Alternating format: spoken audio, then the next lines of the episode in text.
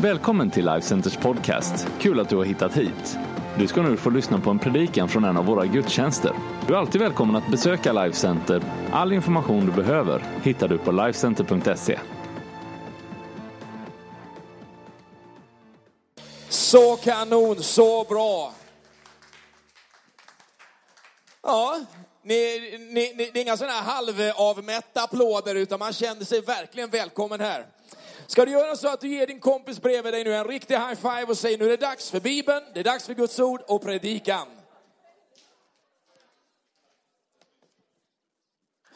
Underbart. Så kanon.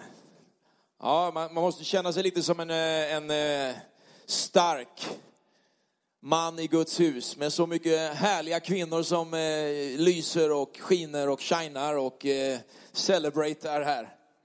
Ja. Man bara kände sig liksom eh, sugen Tapio för att komma in på en liten sån där uh, salong. Va? Har du varit på någon sån där salong någon gång Tapio? Fått uh, fötterna fixade och... Ja, du har det? Ja, det... Ja, det är kanon. Det är kanon. Nästa helg sa de, jag trodde du sa nästa älg. Jag lovar inte dra några sådana älghistorier den här eh, söndagen eftersom det har varit älgjakt i veckan som gick därpå, eller eh, liksom gick, gick, som, som har gått. Eh, men jag kan säga så här att älgarna är säkra i skogen, jag är här. Och eh, det har gått bra i år igen. Igår var det Champions här i kyrkan. Och eh, Champions-teamet, ni är fantastiska. Det ni ordnar, det var eh, mountainbike och det var fotboll och det var golfturnering igår. Och eh, eh, hela det laget som har eh, jobbat med de här grejerna, ni gör det verkligen på, på bästa sätt. Vi kommer hit och får en kanonfrukost. Så nästa gång du får en inbjudan att vara med på Champions, haka på det och bjud med dig någon kompis. Det var riktigt bra, inte bara det att Samuel Wennersdal eh, eh, vann golfturneringen eh, och eh, Life Center Open. Men han var väldigt mäkta stolt när han kom till kyrkan här idag. Jag tyckte han liksom var två decimeter längre. Magnus Torsen kom på andra plats. Ja, men kom igen. Bara den saken, Magnus Torsäng på andra plats. Ja, det var nästan som en sån här golfapplåd det här. Lite så här halvt eh, avmätt med Lovikka-vantar på. Hörni, vi ska eh, predika och vi ska gå in i det som är Guds ord idag. Och eh, jag har tänkt predika över temat. Det är ditt land och det är dina löften. Var det bara första raden? Det är ditt land och det är dina löften. Den sidan då. Det är ditt land och det är dina löften. Får jag höra på rad två där då. Ja. Det är ditt land, det är dina löften. Jag tyckte liksom när jag lyssnade på, på, på Tigles predikan här från förra helgen så var liksom det lite laddat från början. Är det någon som var här då?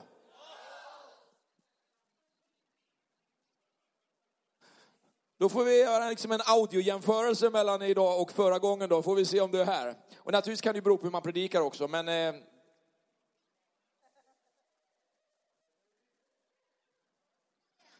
Är ni redo för ordet nu då? Ja. ja jag känner ni, ni kommer här nu, ni kommer, det är starkt. Femte Mosebok 26. Vers 12. När du under det tredje året för ditt tiondegivande har lagt undan hela tiondet av din avkastning och gett det åt leviten, främlingen, den faderlöse och änkan och de har ätit av det inom dina portar och blivit mätta. Då händer det saker. Och så går vi till vers 15. Se ner från din heliga boning från himlen och välsigna ditt folk Israel och det land som du har gett oss, ett land som flödar av mjölk och honung som du med ed lovade våra fäder. Ska vi be? Herre, jag ber Herre att den här predikan, de här orden idag, ska få landa i våra hjärtan, Herre. Få skapa tro, Herre, för att en framtid tillsammans med dig, den är härlig, den är stark, Herre. Den är fantastisk. Och det är inte bara en, en, en önskedröm, Herre. Det är inte bara en, en fantasi, Herre. Utan det är någonting som är byggt på. Det är tryggt i att det är du som har lovat det. Att det är du som har sagt det, Gud, Herre. Att det inte bara liksom är någon form av masspsykos här, utan att det är någonting som du, Herre, har gjort, Herre. Det är något som du har skapat, Herre, tro för. Jag tackar dig för att du står fast i detta. Och att allt det som du har lagt på våra liv, Herre, det ska fullbordas, Herre. Allt det har lagt på varje människa, varje enskild person som finns i våran gudstjänst idag, det ska du förverkliga, Gud, Herre. Vi tror det om det här. Och allt folket sa? Amen. Det finns en bakgrund till den här berättelsen som är viktig. Jag har min eh, storbibel med mig idag för att den, den andra den, den ligger på, i, på, i Norrland. Kanske på något älgpass. Jag har liksom inte riktigt funderat ut var, var, eller, var, var, han låg någonstans nu då. Men han är inte med hem utan han är någonstans i Norrland. Och storbibeln här är väldigt bra. För den påminner mig om att jag har läst den här. Och när jag läser den här för så är det massa understrykningar. Och de berättar för mig att jag faktiskt har hört saker tidigare. Och vad är, det för, vad är det som jag har hört när jag har läst den här texten tidigare? Jo, att det finns ett folk som är Guds folk, som är på väg någonstans. Det finns en bakgrund till de här verserna vi läste då som handlar om att en hel generation av Israels folk, de lämnar ett slaveri som de levt under 400 år i Egypten. Och de är på väg till det förlovade land, det löftesland som Gud med en ed hade lovat dem att de skulle ärva, att de skulle ha. Och eh, de är på väg dit. Eh, och de kommer ganska snabbt dit, men de kommer inte komma in i löfteslandet. Gud har lovat saker, men de kommer inte in på grund av att saker händer. Gud räddar dem, de vandrar genom det röda havet, de är med om matmirakel och Gud han låter vatten flöda ur klippan och, och de är, är, är, är, är i öknen och de är vid berget och de tar emot eh, budorden, tio Guds bud och på kort tid så är de framme vid det förlovade landet men kommer inte in. Ja, det är ju egentligen tolv stycken som kommer in. Tolv stycken är inne och de ser att landet är gott.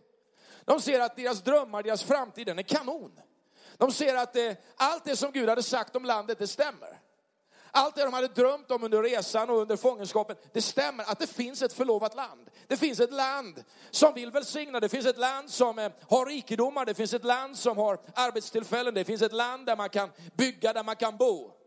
Men det är tio av dem som är livrädda när de inser att det här landet kommer de inte få bara liksom sådär, utan det är någonting som de måste erövra, någonting som de måste kämpa för, någonting som de måste inta, någonting som måste de liksom, klä, liksom, klättra in i, kliva in i.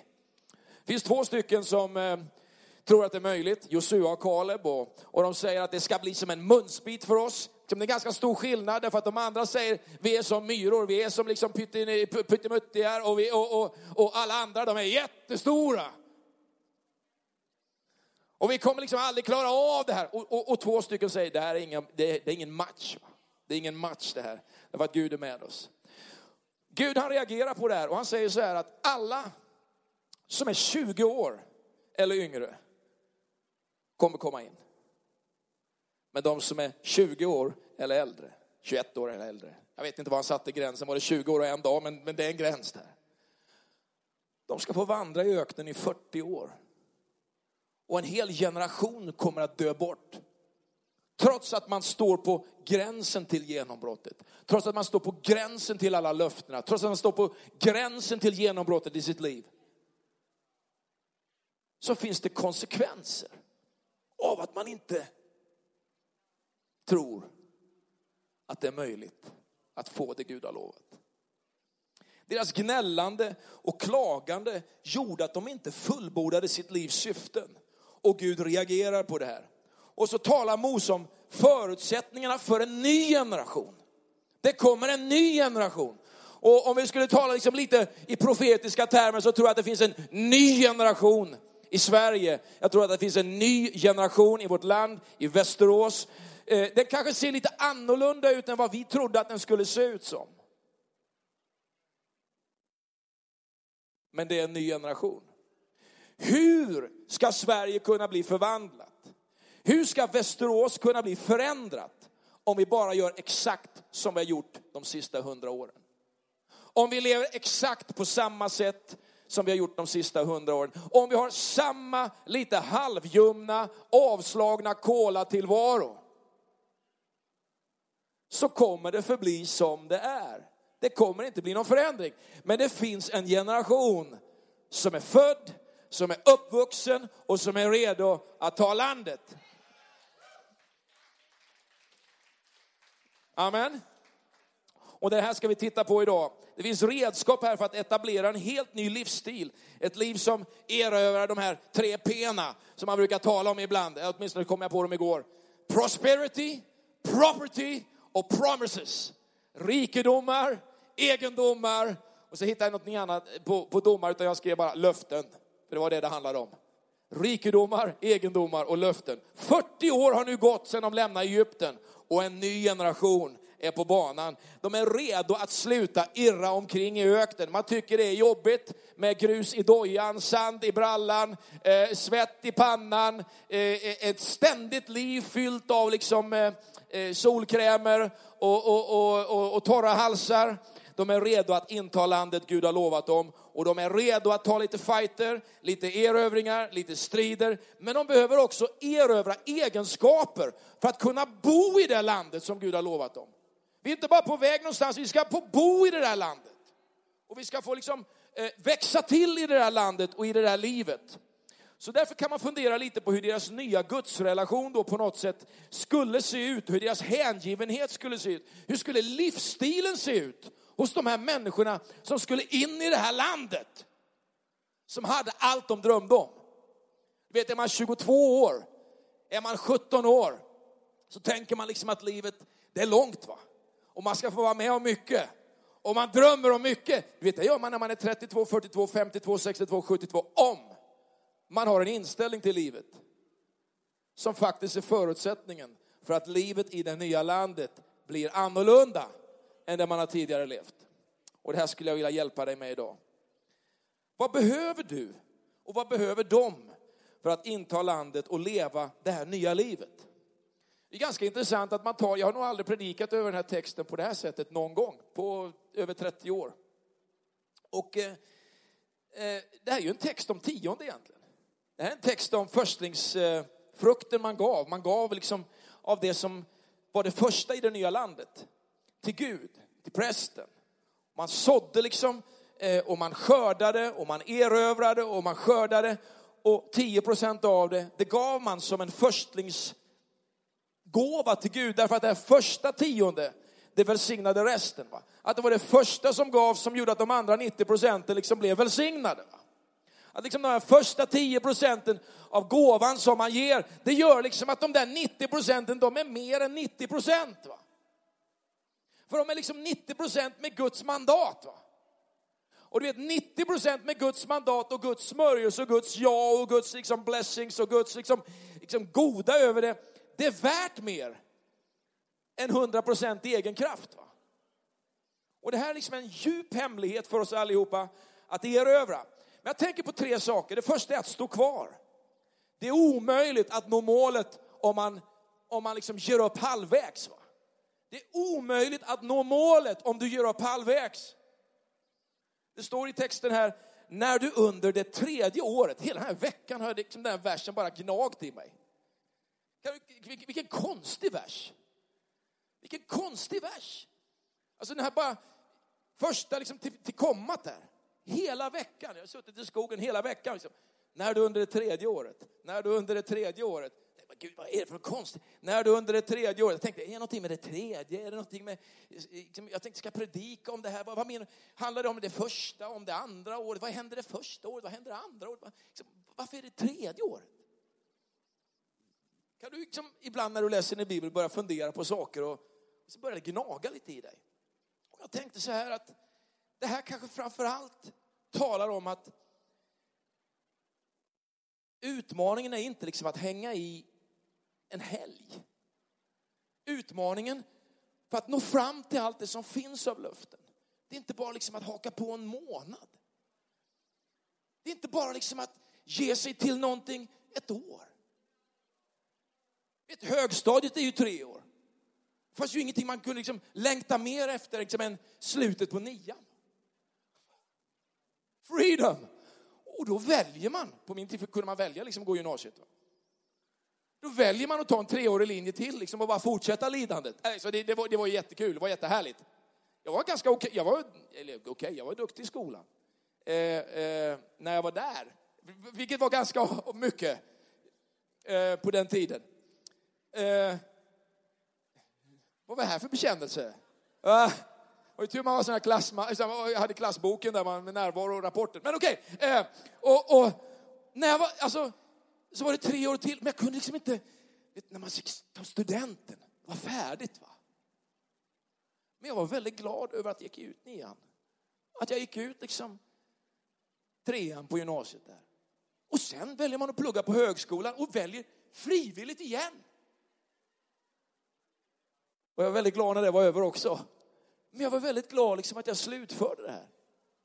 Inte bara ett år, inte bara en termin. En del liksom behöver jobba lite extra, kanske läsa upp ett betyg. Men gör det. Gör det. Du kanske liksom behöver ha en ny utbildning därför att det du valde passar inte dig. Du hittar en ny väg. Det finns alltid en väg. Men den slutar inte halvvägs.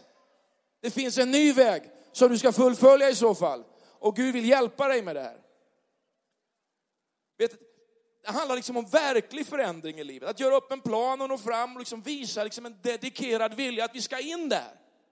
Inte bara halvvägs. När du det tredje året, när det tredje året testar det här vad det innebär att ge tionde. Ja, men nu har jag ju kört det i två månader, det funkar inte. En termin, ett år, två år, tre När man etablerar en livsstil va, så händer någonting i oss som är helt fantastiskt. Det finns en våldsam kraft i att bara stå kvar. När du är det tredje året, bara står där och fortsätter plöja det Gud har gett dig att plöja. Det talas ju om en tionde givandes princip, liksom den här förstlingsfrukten och, och, och, och, och vet att, att bara få tjäna sin kyrka, sitt sammanhang och bara mata på, vecka ut, vecka in, år ut, år in. När du, det tredje året, det säger ju någonting om oss. Inget mer kompromissande, inget mer halvhjärtat, inget mer mediokert, inget mer, vi får se om något bättre dyker upp. Inget mer liksom, det här är nog inte så viktigt. Utan det är det här. Inte bara liksom, när det går bra för mig, då ska jag. Eller när jag känner för det, då ska jag. I eh, vers 14 så säger han så här. När, när det handlar om det här han skulle ge till Gud, vet, han, han talar ju om ekonomi och tiondet här.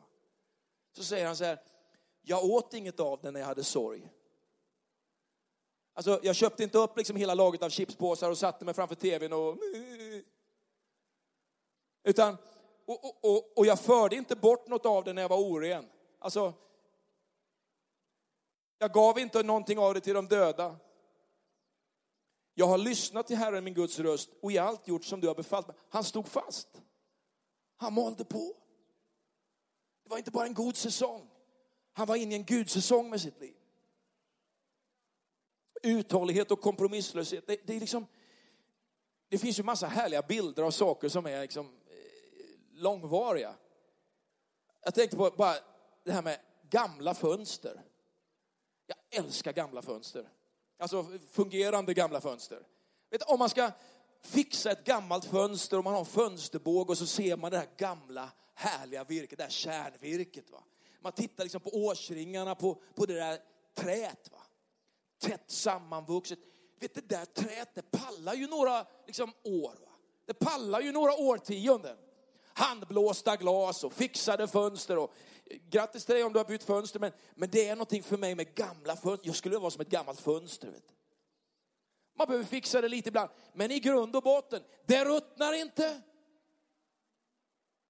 Det är, liksom, det är stenhårt. Va? Och, och, och, och det har förmåga att liksom hantera säsongen. Det finns inget bättre än att placera liksom orkidéer framför gamla fönster. Lite draget kanske någon gång ibland, men de växer så det bara knakar. Va? Finns inget bättre virke än det som har fått växa långsamt och länge. Det står emot ruttnande. Hur är det med ditt liv och mitt liv? Tänk att få växa länge. Kanske ibland inte så snabbt som man skulle vilja göra. Kanske inte så ibland så snabbt som alla andra vill att du skulle växa. Men du växer. Och du matar på. Och du blir ett sånt där kärnvirke. Som man bara älskar att få bygga med. Du vet att etablera en sån här trovärdig livsstil och en rutin liksom där man intar landet. Det är det som förändrar en nation. Liksom det är den kyrkan som har årsringarna liksom tajt sammanvuxna. Och som bara matar på. Som kommer att förändra Sverige. Jag talade igår om ett Champions om processen att bli en gudsman och att växa medvetet genom de val vi gör. Man kan välja det goda. Man kan välja livet. Du ska välja livet. Du ska välja det goda i livet. Har liksom det gått snett någonstans, välj rätt nu. Välj en ny väg nu. Vi har alla liksom fallerat. Har du precis som i bilderna jag pratade om innan, kanske liksom tappat där på högstadiet, tappat lite på gymnasiet, tappat lite på högskolan, tappat någonstans på vägen, tappat liksom någon dröm, tappat något jobb, tappat någon relation. Gud vill upprätta dig och han vill ge dig en ny väg. Han vill ge dig en ny framtid. Stå fast och häng i. Jag tänker på det andra, det är att se möjligheterna. Det stod i vers 15 här, se ner från din heliga boning från himlen, välsigna ditt folk Israel och det land som du har gett oss, ett land som flödar av mjölk och honung. Till en början så har ju allt handlat om deras del av landet. Om man läser i fjärde Mosebok kan man läsa ungefär i samma kapitel, liksom någonstans där runt 26, 24, 25, 26 tror jag i fjärde Mosebok, om, om hur, hur, hur Gud ger Mose en utmaning att räkna folket. Va? Och alla stammarna räknas. Det fanns 12 stammar i Israels folk och alla liksom finns där och de är 50 000, de är 60 000, jag tror sammanlagt så är de någonting 600 1000, några, eh, eh, de här unga killarna nu eh, som är då 20 plus, han mönstrar nationen, stridsmän. Och de är liksom på väg in i det här landet, det här gänget. Och det man kan märka i början när de ska in i sitt nya land, va? det är att alla tänker liksom, jag, mig, mitt, vilken del ska vi få? Vilken del av det här landet ska vi få? Och då visar det som att det finns en släkt där. Där det inte finns några grabbar i släkten. Och liksom i den här patriarkaliska eh, strukturen va, så var det ju grabbarna liksom som på något sätt liksom eh, blev övermännen i familjerna. Va? Och så finns det en familj där liksom, det, liksom, det är inga grabbar kvar. Eller det finns inga grabbar. Det är bara tjejer där. Farsan är död och så finns det tjejerna. Och de här tjejerna, de kommer och säger, ja men Gud har ju lovat oss också och, och, och, och, deras ledare där, han säger, ja, men jag ska fundera på det här. Och så kommer han tillbaka, det är självklart säger han. Det är självklart att ni också ska ärva landet. Kom inte och säg att Bibeln inte är skön. Gud ibland, han har satt upp vissa strukturer, men Gud vet du, han står över de här strukturerna, han gör som han vill. Kom inte och säg att Gud inte vill välsigna dig för att du har en viss bakgrund eller du har en viss situation. Gud vill välsigna dig. Och Gud vill ge dig som tillhör dig. Vet, till en början liksom så var det ju geografi och möjligheter, men vet, när man mognar i sin tro så kommer det handla om mer än, liksom, det här är mitt. Det här är min del av världen. Det här är mitt. Vad är mitt? Vet, när man är liten så blir ju det, kan själv, min. De här, de här orden som kommer är ju ganska sköna va, min. Och då kan man ju plötsligt ta något som inte är mitt och säga det är mitt plötsligt. Så man paxar det va, det är mitt bara, det är mitt. Först i sandlådan, min. Men ska man växa vidare, ska man växa vidare så måste det bli annorlunda. Och så står det i texten här, Herre, välsigna ditt folk. Inte bara mig, ditt folk. Och det land som du har gett oss. Välsigna det här landet som du har gett oss.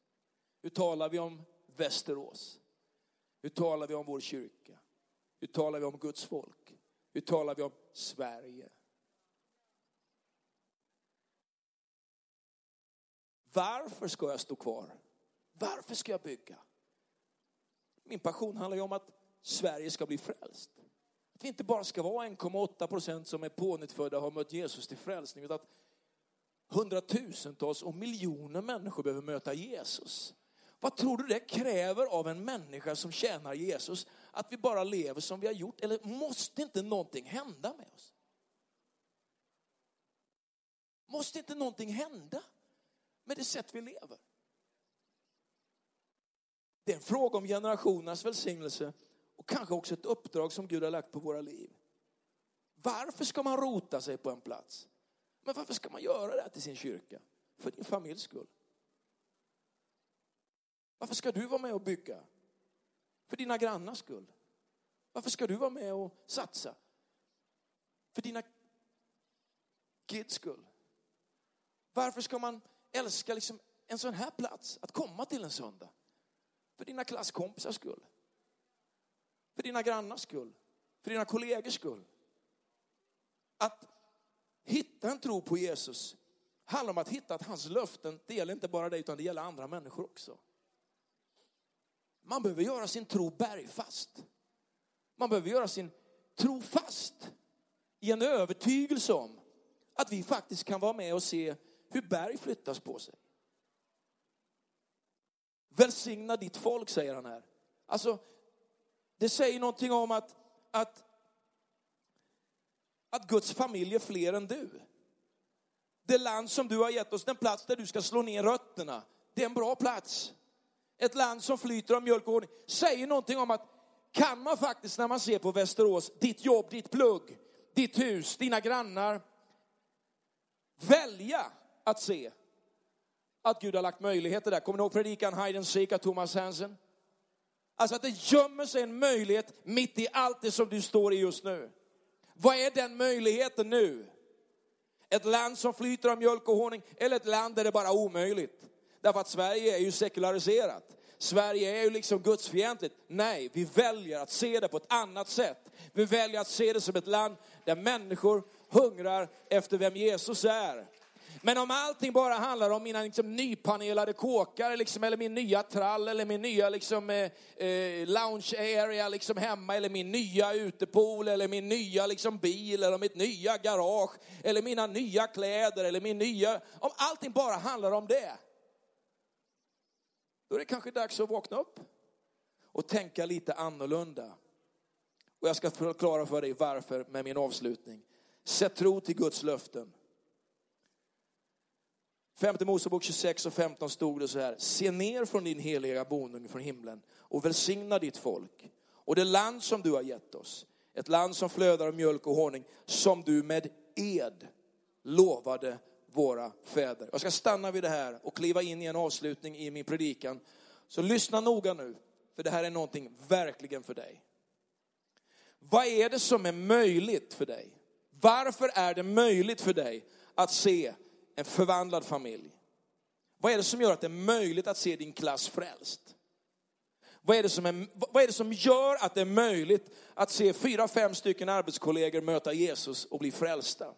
Vad är det som gör det möjligt för dig att du kan hitta en kyrka där du faktiskt trivs, mår bra i och kan utvecklas i? Vad är det som gör att du får tro i ett sammanhang? För att det som Gud har sagt faktiskt gäller. Det ordet heter egentligen förbund. Och tar du anteckningar, skriv nu här. Förbund. Vad är ett förbund? Förbund, det är ett kontrakt. Det är ett avtal som upprättas mellan två parter. Och jag ska inte ta den långa varianten utan ta den korta varianten. Gud han upprättar ett förbund mellan människor och sig. I första Moseboks tolfte kapitel så upprättar Gud ett förbund med Abraham. Som säger så här, Abraham säger han, genom dig, du har inga kids än, du har en fru som inte är fruktsam och ni kommer inte kunna få några barn än, men jag ska se till att fixa det här i alla fall. Genom dig skall alla släkten bli välsignade. Och så upprättar Gud ett förbund med dem, ett kontrakt. Skillnaden när vi upprättar förbund mellan människor så är att liksom vi är likbördiga parter i de här förbunden. Men när Gud upprättar ett kontrakt med oss så är inte det mellan två likvärdiga parter. Gud är över. Det är Gud som sätter villkoren när han dealar med kontraktet. Och Gud sätter liksom, liksom, avtalet på plats. Och det man ska veta om det är att när Gud upprättar ett förbund med oss som människor så är det också så att man måste förstå att Gud, det finns ingen lögn i Gud. Det finns ingen osanning i Gud. Gud han håller alltid vad han lovar. Han söker liksom inte den mest ekonomiskt fördelaktiga utvägen ur ett avtal. Om inte det exakt liksom, utan eh, han håller vad han säger. Så att när Gud upprättar ett förbund med Abraham så kan Gud inte svika det förbundet. För har Gud sagt det så är det så. Om vi som människor bryter kontrakt, till exempel om du skriver ett kontrakt på ett hus, så ger du en handpenning. Och skulle du bryta kontraktet, ja men då kanske handpenning blir det som du får betala i liksom någon form av skiljepeng. Va? För att du liksom har brutit kontraktet. Men Gud kan inte bryta sitt kontrakt. Utan det Gud sagt, det håller. Då kommer an på oss då, om vi tror på kontraktet eller inte. I Romarbrevet 11 så förklarar Paulus att det kontrakt som Gud upprättar med Abraham, som går hela vägen via Israels folk ända in i den tid som då är den tid när Paulus lever. Det är det löfte som också inte bara judarna har en del i. En del av oss här kanske kan vara judar, andra är kanske araber, du kanske är hedning, du kanske är skandinav, du är från Sydafrika. Vi är alla folk och stammar. Och så säger Paulus att hedningarna, alla de som inte tillhörde Guds löftesfolk, de är också inkopplade i samma kontrakt. De har en del i samma kontrakt, lika mycket som Abraham har en del i kontraktet. Så hade romarna, grekerna, korintier, makedonier, alla de hade liksom en del i kontraktet. Är ni med på vad jag säger? Därför, därför är det så oerhört viktigt för dig och mig att förstå att vi kan inte bara stå och säga så här, ja det gällde dem där borta. Nej, för att om du är en troende och tror på Jesus så gäller det dig också. Och här kommer finalen då. Vad baserar jag det här påståendet att vi kan göra Guds, eh, alltså anspråk på Guds löften? Jo, vet, av, Gud han är en förbundsgud. Han upprättar kontrakt med Abraham. Han upprättar ett kontrakt med Adam från början. Han upprättar ett kontrakt med Noa. Han upprättar ett kontrakt med Moses. Han upprättar kontrakt med eh, David. Han upprättar ett kontrakt med Jesus som kallas för det nya förbundet. Förbund är nödvändigt för Gud som är helig. För han kan inte umgås med en syndig människa utan ett kontrakt. Varför är förbund viktigt? Jo, för att förbundet är en garanti för oss som människor att Gud, att det Gud har sagt, det kommer han hålla. Det är också så att ett förbund är platsen där Gud uppenbarar sin vilja, sin karaktär och hela sin personlighet. Va? Så att i det här kontraktet som Gud upprättar med människor så kan vi se, sån är Gud. Och här kommer liksom slutklämmen i predikan idag. När Gud upprättar sitt förbund med sitt folk så uppenbarar han också vad han heter. Du kanske har hört Guds namn. Inte bara liksom genom att du tittar på någon film, liksom eh, Life of Brian. Jehova. Han sa Jehova. Jehova betyder Herren. Kanske har hört andra namn om Gud. Eh, El Shaddai. Du kanske har hört eh, ordet Javé, ordet Adonai. Det är olika namn på Gud va? som betyder Herren, som betyder Gud. Men Guds förbundsnamn, det är någonting annorlunda. Vad handlar det om? Jo, det finns sju stycken namn i Bibeln. Där Gud liksom, upp, liksom visar på att han är en Gud som håller sitt kontrakt. Här kommer de i snabb ordning. Jehova Jireh. När kan man läsa om Gud som Jehova Jireh? Jo, det kan man göra när Abraham, han är på berget och ska offra Isak. Va? Men så säger Gud stopp, säger han. Det finns ett annat offer. Så vänder han sig om och så ser han en bagge som hänger liksom i, en, i, en, i en gren där. Va? Och så får han ett annat offer istället för liksom att offra sin son, Jehova Jireh. Herren förser. Du kanske är i en situation när du tror att du måste offra allting, när du är inne i en återvändsgränd. Och så ser du ingen annan utväg. Och så bara inser du, Gud, han är Jehova Jireh. Det finns en annan väg, Herren förser. Herren förser. Kanske har du kommit hit idag i en situation i ditt liv, du är i den där återvändsgränden. Och du ska få tag i det som handlar om att Gud är Herren som förser. Jehova Nissi, Herren mitt baner, också ett fantastiskt namn på Gud. Ni vet, så länge Mose hade sina händer sträckta i fighten mot amalekiterna, när Josua var och fightade med amalekiterna, va? Då, hade de, eh, då hade de auktoritet i fighten. Va? Och så blev han trött i armarna. Va? Och så fick han två stycken medhjälpare som lyfte händerna på honom och så kunde de fortsätta vinna striden. Det är liksom ett ögonblick och ett tillfälle i Guds ord som står talas om Herren som mitt baner. Herren mitt baner. Liksom, när, när man lyfter upp Herren, va? när man lyfter upp hans namn så vinner man fighten. Det tredje är namnet Jehova Shalom, Herren är min frid. Vad handlar det om? Jo, det är från när Gud kallar Gideon. Och, och Gideon tror inte att han duger. Han tror liksom inte att han, han liksom är, är någonting att ha för Gud. Och, så, och så, så vill han ändå på något sätt testa Gud. Så han liksom förbereder ett offer där. Och så har en Herrens ängel kommit till honom. Och han sträcker bara ut sin stav mot liksom det där offret som, som Gideon har lagt där eh, på altaret. Och så kommer eld ifrån den här staven och antänder det där offret. Och så förstår han, Gud är Gud. Han är liksom Jehova Shalom. Och så, så kommer liksom den här friden till honom och han förstår, Herren är min Gud. Herren är min frid. Jag behöver inte vara orolig för att inte jag duger, att inte jag platsar. Han är också Jehova Ra. Herren är min herde, psalm 23. Herren är min herde, mig skall inget fattas. Han leder mig. Han är Jehova Sidkenu. Herren är vår eh, rättfärdighet. Det är ett profetiskt ord som talar om Jesus Kristus. Jesus är vår rättfärdighet. Han är liksom den som gör att vi är okej okay inför Gud. Herren är vår rättfärdighet. Han är också Jehova Shamma. Herren är eh, Herren. Det är inte någonting som talas om staden Jerusalem, alltså någonting som kommer att bestå för evigt när du undrar liksom hur du ska fixa det i det långa loppet, så är han din Jehova Shamma. Han är Herren.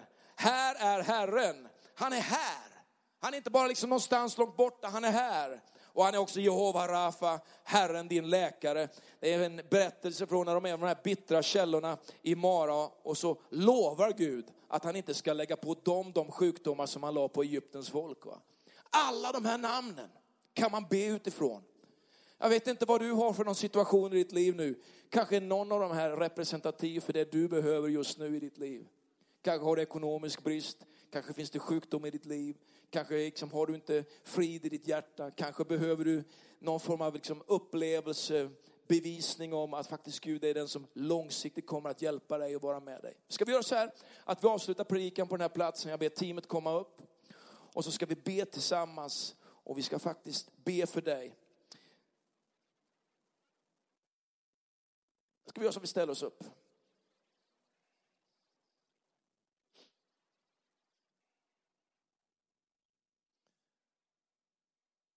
Lyssna noga här.